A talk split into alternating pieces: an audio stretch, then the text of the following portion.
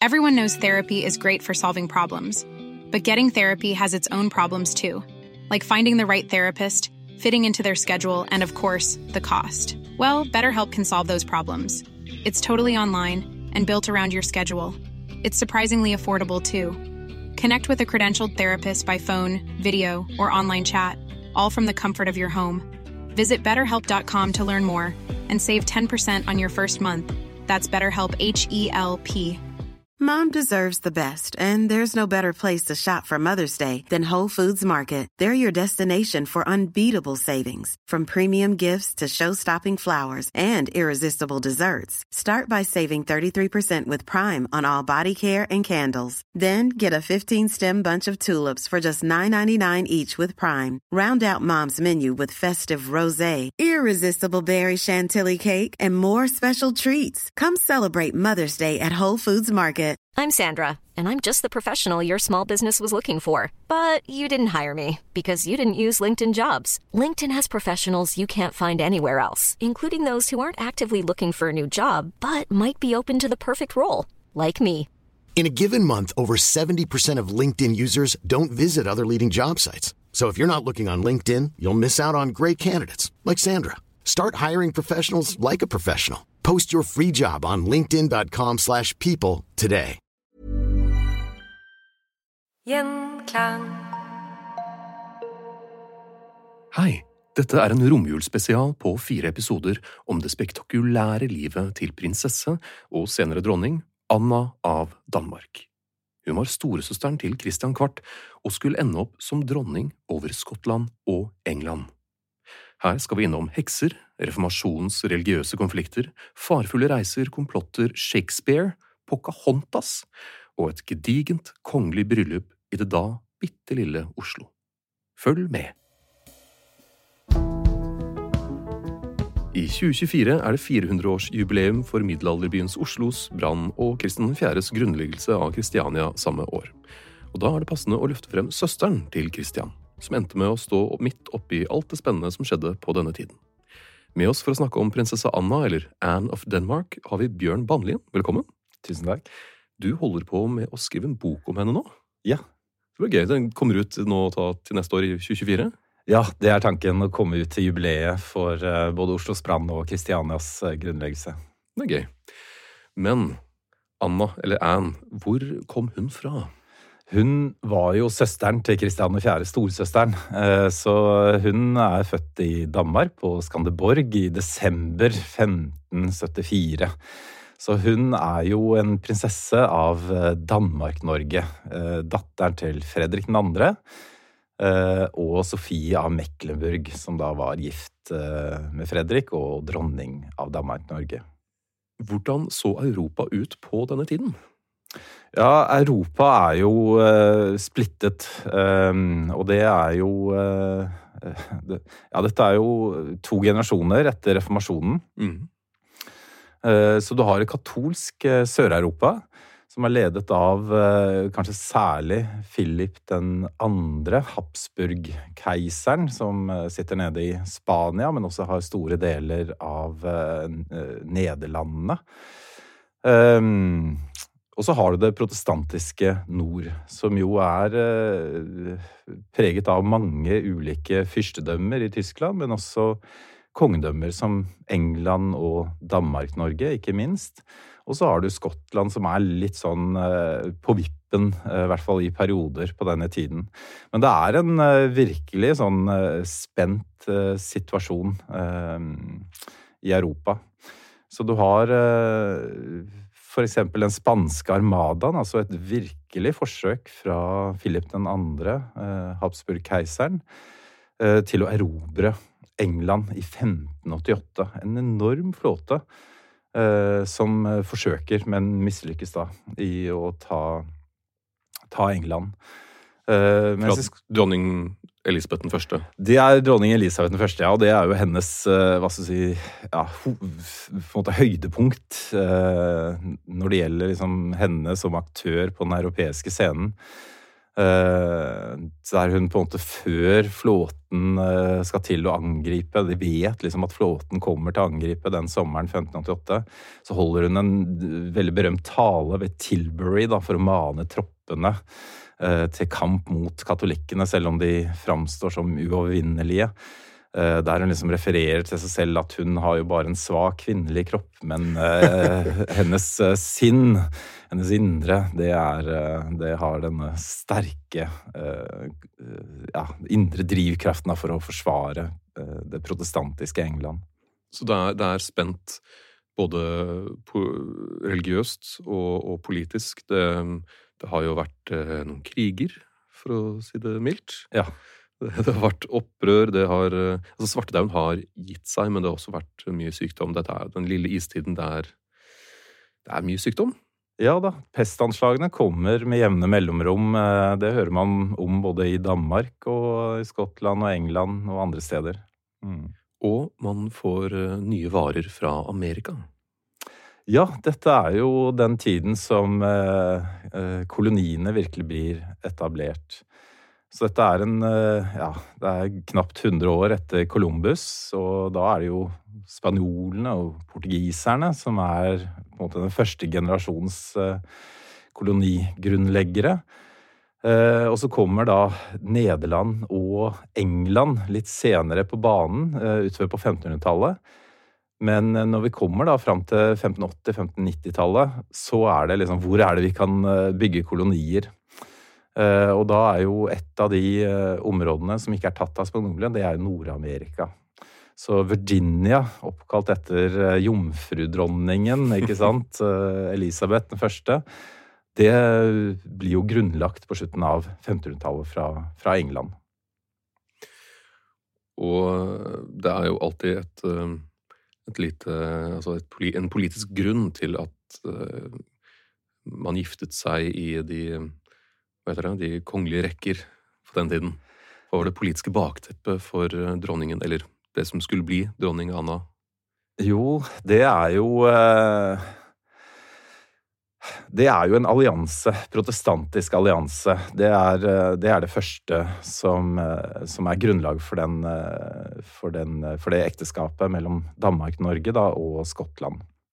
Så det er for å stå sterkere eh, overfor eh, det sørlige Europa. Det skottene hadde, det var, eh, det var tropper, kanskje særlig med leiesoldater. Så de var jo inne både i Sverige og i Danmark-Norge militære eh, tropper og hadde et rykte på seg for å være gode krigere. Så det er på en måte noe som Skottland kunne tilføre Danmark-Norge, militær støtte. Um, og så har du et økonomisk aspekt også i dette her. For på den tiden så har jo Danmark-Norge også Skåne. Mm. Så de har på en måte begge sider av Øresund.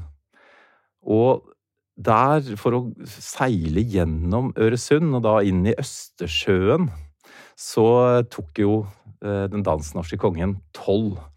Og det var jo på mange måter hans personlige inntakt og, inntekt, og grunnlag da for eh, mye av disse kongelige slottene som, eh, som han bygde. Og den dansk-norske kongen, altså Fredrik 2., Annas og Kristian 4.s far, han kunne jo eh, beslaglegge gods, ikke sant, hvis han mistenkte at dette var spionskip og, og under dekke av handel egentlig være drive med forhandlinger med eh, svenskene, som jo var fiendene til Danmark-Norge. Og hvis man forsøkte å seile liksom sør for Sjælland, sør for Fyn, ikke sant, og omgå denne tollen, så ble hele lasten beslaglagt. Så dette ah. skjedde med jevne mellomrom. Så for å få smidigere handel uh, og kanskje litt lavere tollsats, så, så, kunne denne alliansen være til fordel for skottene også. Mm. Var, eh, hadde religion noe med dette å gjøre? Ja, den protestantiske hva skal vi si, alliansen i nord, den var jo eh, Altså, det var litt sånn tvil om eh, hvor sterk den var i møte med det katolske Sør-Europa. Eh, så det å kunne møte særlig da Philip 2., eh, Habsburg-keiseren, militært. Da måtte man stå sammen. Den spanske armadaen var slått tilbake i 1588. Mm.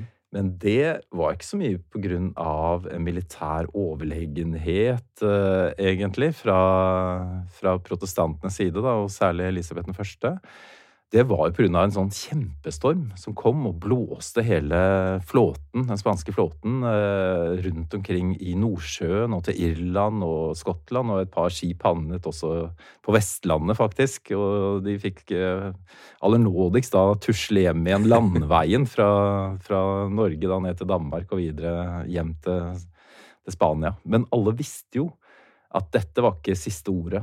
Eh, dette kunne gjenta seg kanskje om fem år, seks år, sju år. Kanskje man kunne angripe via Irland, kanskje man kunne angripe England via Skottland. Og så var det også en dansk, eh, et dansk alternativ ute i Europa. Ja. Det var en kongelig eh, dansk etterkommer etter Kristian 2 Eh, som hadde blitt sendt i eksil under eh, reformasjonen og ble fengslet etter hvert, og døde i eh, dansk fangenskap i 1559. Men datteren hans het Kristina av Danmark. Vokste opp i det spanske Nederlandet som katolikk. Mm. Hadde vært gift med en norditaliensk hertug hadde arvet store eiendommer der, eh, og eh, kalte seg dronning av Danmark Oi. under hele 1500-tallet. Og Philip 2., eh, denne katolske Habsburg-keiseren, ønsket jo å innsette henne som dansk regent, dansk dronning, og gjeninnføre katolisismen også i Danmark-Norge. Så dette var planer som ble snappet opp av både engelske og dansk-norske agenter som hørte om uh, den type planer. Så det var en sånn ja, generell liksom, frykt for hva som, som, kom til å skje, hva som kunne skje på det, på, på det militære. Men i Skottland så er da James konge. Mm. Men hans mor, Mary, var jo, hun var jo katolikk. Ja, Mary Queen of Scots, Mary Stuart. Hun hadde jo vært katolikk eh, hele sitt liv og holdt på eh, den katolske troen og den katolske kirken. Så hun ble på et tidspunkt avsatt. Eh, altså, Skottland er litt sånn kaotisk, og det er eh, Mye av adelen er jo katolsk fremdeles eh, på 1560-, 70-, 80-tallet. Man snakker om kanskje en fjerdedel av ariskatiet aristokratiet, eller adelen, i Skottland er fremdeles katolsk.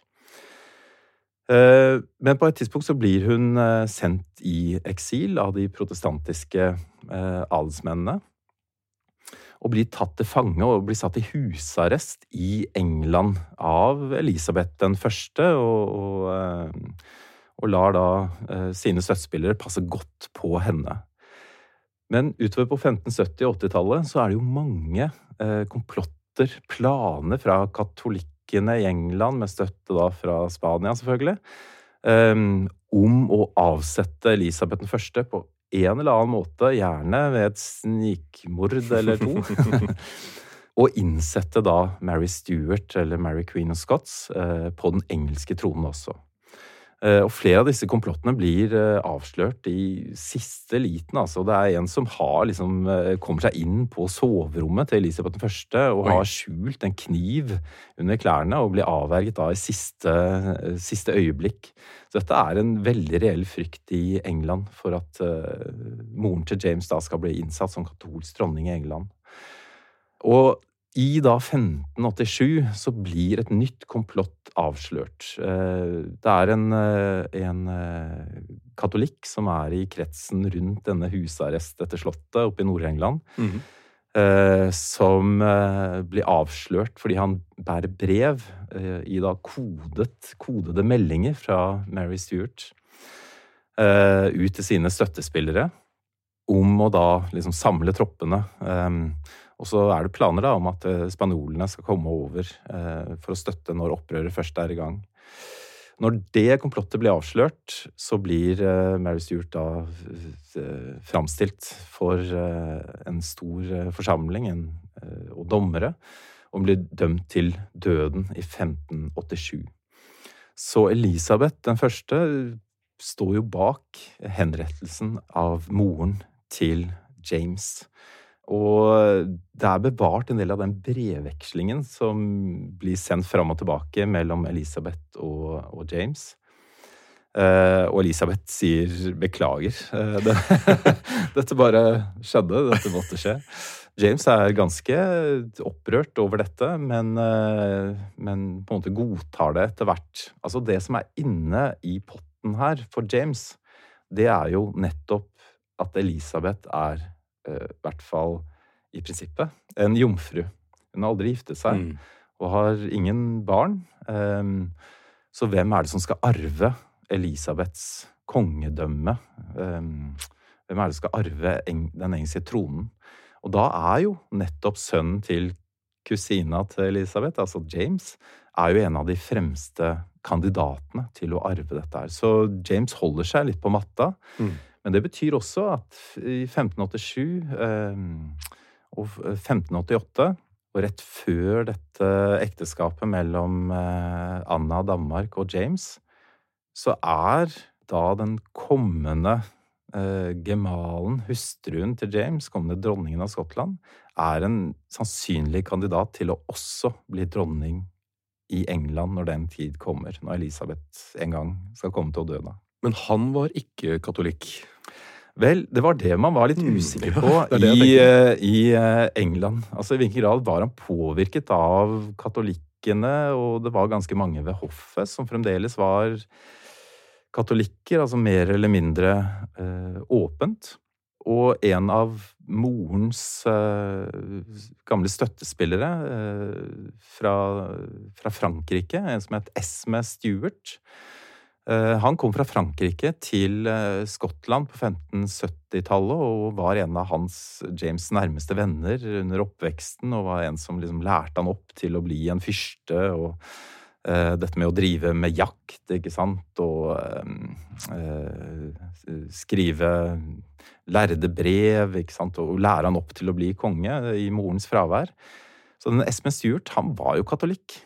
Mm. Så man fryktet da, kanskje særlig i England, at uh, han skulle ha ganske stor innflytelse på James' religiøse overbevisning eh, også. I tillegg eh, til protestantene, som formelt da sett var liksom de ledende i riket. Så dette med at eh, James da begynte å se mot Danmark-Norge for en ekteskapsallianse, det ble jo sett på som i hvert fall delvis positivt i, eh, i England. Man var sterkt involvert, altså særlig Elisabeth, da. Uh, involvert i liksom Hadde sterke meninger om hvem uh, han burde gifte seg med. Det var liksom enten Danmark-Norge eller noen på kontinentet som kunne støtte den protestantiske saken. Så lenge det ikke var Sør-Europa? ja, nei, det er jo Det er jo uh, ja, nei, det, det kommer jo litt senere, at James begynner med planer om å forene det protestantiske og katolske Europa gjennom en ekteskapsallianse med da sine barn etter hvert, og at han drømmer om å liksom skape en slags kristen enhet. Men akkurat der er vi ikke på 1580-tallet. Der er spenningene veldig sterke. Hi, I'm Daniel, founder of Pretty Litter. Cats and cat owners deserve better than any old-fashioned litter. That's why I teamed up with scientists and veterinarians to create Pretty Litter. Its innovative crystal formula has superior odor control and weighs up to 80% less than clay litter. Pretty Litter even monitors health by changing colors to help detect early signs of potential illness. It's the world's smartest kitty litter. Go to prettylitter.com and use code ACAST for 20% off your first order and a free cat toy. Terms and conditions apply. See site for details.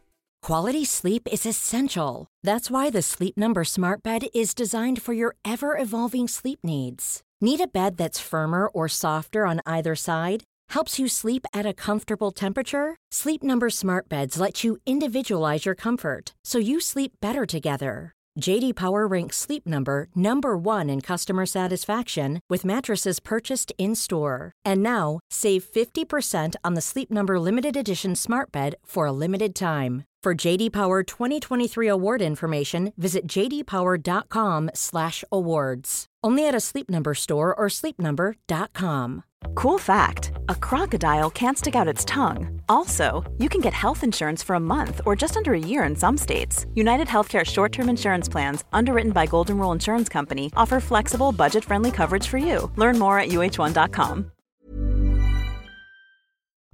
Men altså, foreldrene da til Anna, Mm. eh, de var jo protestantiske. Ja. Og de må jo ha tenkt at nei, nei, han, er, han her er en fin fyr. Altså, han er også protestantisk hvis de skulle gifte bort Mm. sin datter. Mm. Ja, det er eh, noe av eh, bakteppet her. At det på en måte viser at eh, James av Skottland søker mot protestantisk allianse. Og at det kan sikre på en måte at Skottland forblir protestantisk. da. Um, en ting som var litt eh, uklart, det er jo hva slags type protestant James er. For det er jo på en måte den andre siden av alle disse religiøse konfliktene. Ja, altså, masse, alle, Hele reformasjonen var jo ja. ja, altså du, du, du Det er på en måte litt enkelt med katolikkene uh, på, på den ene side. Men det er jo jeg skal ikke si hundrevis, men det er jo et titalls ulike retninger innenfor eh, den protestantiske lære. Mm. Og kanskje de fremste er jo kalvinistene, som har et litt annet syn på nattverden, blant annet. Eh, sett fra det katolske sør så er det jo litt det samme, samme greia. Eh, men for protestantene selv så, eh, så blir det jo en sånn prinsippsak og en liksom test om du er god lutheraner. Eh, Eller om det er kalvinist. Så eh, James var nok litt mer på den kalvinistiske eh, siden. Men det fikk nå gå, da.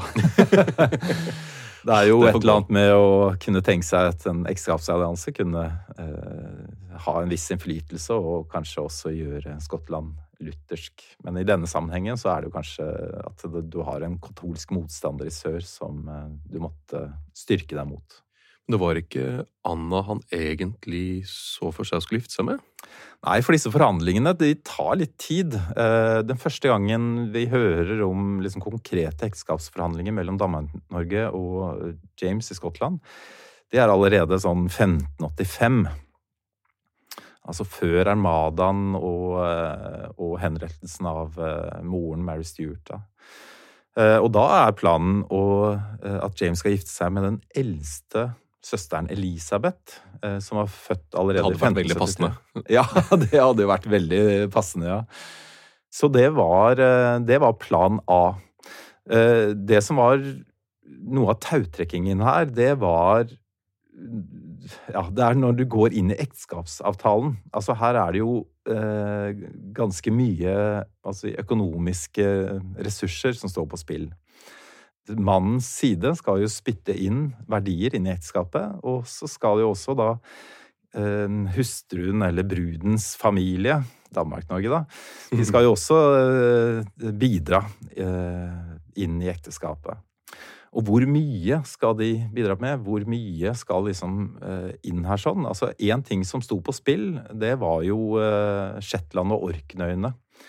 Som jo hadde blitt pantsatt til Skottland på slutten av 1400-tallet, da det var en annen dansk prinsesse som ble giftet bort. Eh, det er James den tredje på slutten av 1400-tallet. Så en ting som var i potten her, det var at Danmark-Norge skulle få tilbake Orknøyene og Shetland. Men det var ikke så bare lett, fordi eh, jarlen som holdt på der oppe, han var ikke så begeistra for den ideen. Han var jo skotsk og ville jo beholde dette her. Um, og så var det også hvor stor medgift da uh, Anna skulle få. Um, og så er det sånne ting som forhandlinger rundt denne tollen som uh, skotske kjøpmenn skulle betale i Øresund for å komme inn i Østersjøen og få innpass i de, uh, inn i Sverige og, og Russland, da. Og Polen, ikke minst. Så masse sånne ting tok lang tid. Og Danmark-Norge, Fredrik 2., da faren mister litt tålmodigheten. Og eh, begynner å lete i Nord-Tyskland, og der er det jo masse hertugdømmer. Der Mm. har du blant annet uh, uh, Mecklenburg, og du har Saksen, så han gifter bort uh, Elisabeth da, til av disse, en av disse hertugene i Nord-Tyskland. Forlover henne dit. Og da, når forhandlingene mellom Skottland og Danmark-Norge tar seg opp igjen i 1587-1588, så er det da nummer to, Anna, som er kandidaten. Så det er først da på en måte hun selv må ha liksom skjønt at dette, dette peker vestover, og at hun kan da uh, begynne å lære seg uh, nye språk. Hun kunne jo tysk, det hadde hun jo fra barnsben av, men uh, nå må hun lære seg i første omgang fransk, for det er jo liksom hoffets språk også mm. i Skottland. og i neste omgang skotsk-engelsk. Den skotske dialekten, som jo er vanskelig for oss også i dag, tror jeg. Ja. Og den 20. Eh, august 1589 så ble den da 14 år gamle Anna og den 8 år eldre James gift i Danmark. Mm. Men det var en litt annerledes seremoni? Ja, det er jo ikke James selv som eh, drar over. Det er jo relativt vanlig at man eh, ikke gifter seg sånn i første omgang Eh, selv. For det er en risiko med å reise over havet og um, dra til et annet land for å uh, feire bryllup et annet sted. Vi har et eksempel med Kristian 2., for eksempel, begynnelsen av 1500-tallet, som også sender en stedfortreder, det er jo til, til Nederland, som da på en måte holder eller inngår løftene, ekteskapsløftene, på vegne av kongen. Så dette skjedde med jevne mellomrom og var ikke særlig uvanlig. Poenget er at disse løftene på vegne av kongen og bruden, da, i Anna i dette tilfellet, i 1589, det skal eh, danne en eh, fast avtale. Og særlig med tanke på det økonomiske aspektene, at det er gyldig. Men underteksten her, altså det som ikke blir snakket om, det er jo den risikoen det er å sende en ja, i dette tilfellet en 14-åring, over Nordsjøen, og hva som kunne skje i verste fall hvis det kommer en storm, mm. og det skjer et for, uh, forlis, og Anna rett og slett omkommer på veien over. Da må man på en måte ha avtalen i boks, sånn at uh, man virkelig er enige om hva som skal skje hvis hun dør på veien over, mm. og at uh, den avtalen faktisk er gyldig. Og jeg har lest at uh, stedfortrederen satt i sengen ved siden av henne for å avslutte bryllupsseremonien. Ja, det gikk nok ikke lenger enn det, men eh, det er jo, eh, det er jo på en måte den tradisjonen. En del av, av, et bryllup, det er jo nettopp dette med sengeleding. Altså at man ledes til ektesengen. Eh, jeg tror ikke det er noen grunn til å tenke seg at det gikk lenger enn det. Men det er det at de Komisk å tenke på. Ja, ja, så går vi, så setter jeg meg ved siden av deg i sengen. Ja, sånn, da er vi ferdige. Ja, nemlig. For det er på en måte en del av prosessen. Dette tar jo eh, en hel dag. Og det skal være vitner, selvfølgelig. Mm. ikke sant? At, eh, at brudeparet, i dette tilfellet med en stedfortreder, skal ikke sant, avgi løftene. Og så skal man da med vitners nærvær da ledes inn i brudesengen, der hva skal si, magien skal skje. og rettmessige arvinger da skal komme fra. Og det som er litt morsomt, det var at jeg for noen måneder siden så fant jeg spor av denne senga som de satte Oi. seg med i. For den fikk hun med seg på skipet, og den eh, tror jeg i hvert fall at jeg har funnet i god behold. Eh, den dag i dag. Eh, en utrolig yes. flott seng, må jeg si. Det var ikke Ikea? Nei, det var nok ikke Ikea. Nei. Dette var nok uh, de fremste kunstnerne og treskjærerne som hadde utsmykket den sengen. ikke sant? Noen himmelseng og flotte utskjæringer. Ja. Og så skulle hun da reise til Skottland for å møte sin mann. Ja, og der skulle man bekrefte løftene, med James da selvfølgelig til stede. Det var jo i Edinburgh. Og uh, så skulle Anna også krones til dronning. Så det er eh, planen. Og dette er eh, Ja, det begynner å bli høst, men dette er rundt 1. september at flåten da eh, både skotter og danske adelsmenn og de mest erfarne sjømennene i den dansk-norske flåten, mm. ledet av admiralen selv, Peder Munch, må mm. vite.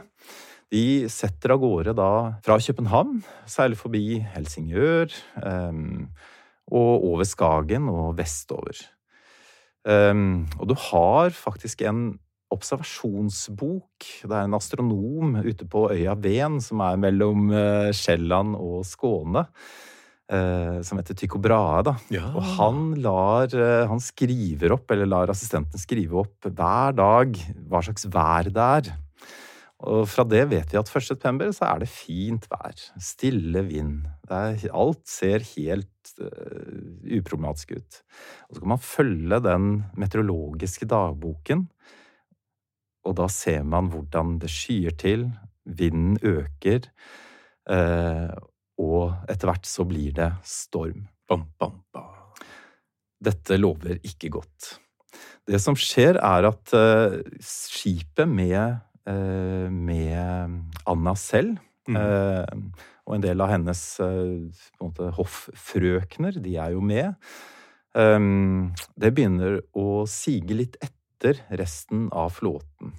Skipet heter Gideon, og det var det Fredrik 2. selv som skal ha designet og liksom fått skipskonstruktørene til å bygge det sånn som han selv ville, og hadde prøveseilt det selv, og dette var det beste skipet. Men det hadde begynt å, å sakke litt uh, akterut i forhold til resten av flåten. Uh, så noen av de skotske skipene de kom fram til Edinburgh. Og liksom kikket bak skulderen, og så nei, der var det jo ingen. så de ventet jo på at uh, Annas skip også skulle komme over. Ja. Men også i Edinburgh og Skottland så blåste det jo opp til storm, og man ble mer og mer bekymret. Altså, prinsessen Anna var forsvunnet. Ingen ante hvor hun var. Den engelske ambassadøren i Edinburgh snappet opp dette og sendte ilbud ned til Elisabeth den første i London om at uh, Anna kommer ikke, og det er storm. Uh, og dette begynner å spre seg. Philip 2. nede i Spania får høre ryktene om dette her. Og, så dette er en stor snakkis i hele Europa. Hvor i all verden er det blitt av denne prinsessen? Man frykter det verste når det da blir det har gått to uker, og det har gått tre uker uten at noen har fått beskjed. Nede i Helsingør eh, så er det jo særlig moren, Sofie, som skriver brev og liksom sender ut skip og får dem til å prøve å finne ut hvor er det dattera mi har blitt av. Kristian eh, 4., lillebroren, han er vel eh, elleve år på den tiden. Han skriver også brev der han uttrykker sin bekymring for, for søstera. Dette er jo yndlingssøstera Mom deserves the best, and there's no better place to shop for Mother's Day than Whole Foods Market. They're your destination for unbeatable savings, from premium gifts to show-stopping flowers and irresistible desserts. Start by saving 33% with Prime on all body care and candles. Then get a 15-stem bunch of tulips for just $9.99 each with Prime. Round out Mom's menu with festive rosé, irresistible berry chantilly cake, and more special treats. Come celebrate Mother's Day at Whole Foods Market. Hi, I'm Daniel, founder of Pretty Litter. Cats and cat owners deserve better than any old fashioned litter. That's why I teamed up with scientists and veterinarians to create Pretty Litter. Its innovative crystal formula has superior odor control and weighs up to 80% less than clay litter. Pretty Litter even monitors health by changing colors to help detect early signs of potential illness. It's the world's smartest kitty litter. Go to prettylitter.com and use code ACAST for 20% off your first order and a free cat toy. Terms and conditions apply. See site for details. Mom deserves the best, and there's no better place to shop for Mother's Day than Whole Foods Market. They're your destination for unbeatable savings, from premium gifts to show-stopping flowers and irresistible desserts. Start by saving 33% with Prime on all body care and candles. Then get a 15-stem bunch of tulips for just $9.99 each with Prime. Round out Mom's menu with festive rosé, irresistible berry chantilly cake, and more special treats. Come celebrate Mother's Day at Whole Foods Market. Hans. Eh, så hun er ja, borte vekk. Hun er borte vekk. Det kunne jo sendt en SMS, men nei, det fantes ikke ennå. Så eh, ja, nei, det er, eh, det er et mysterium for hele Europa, og man frykter det verste.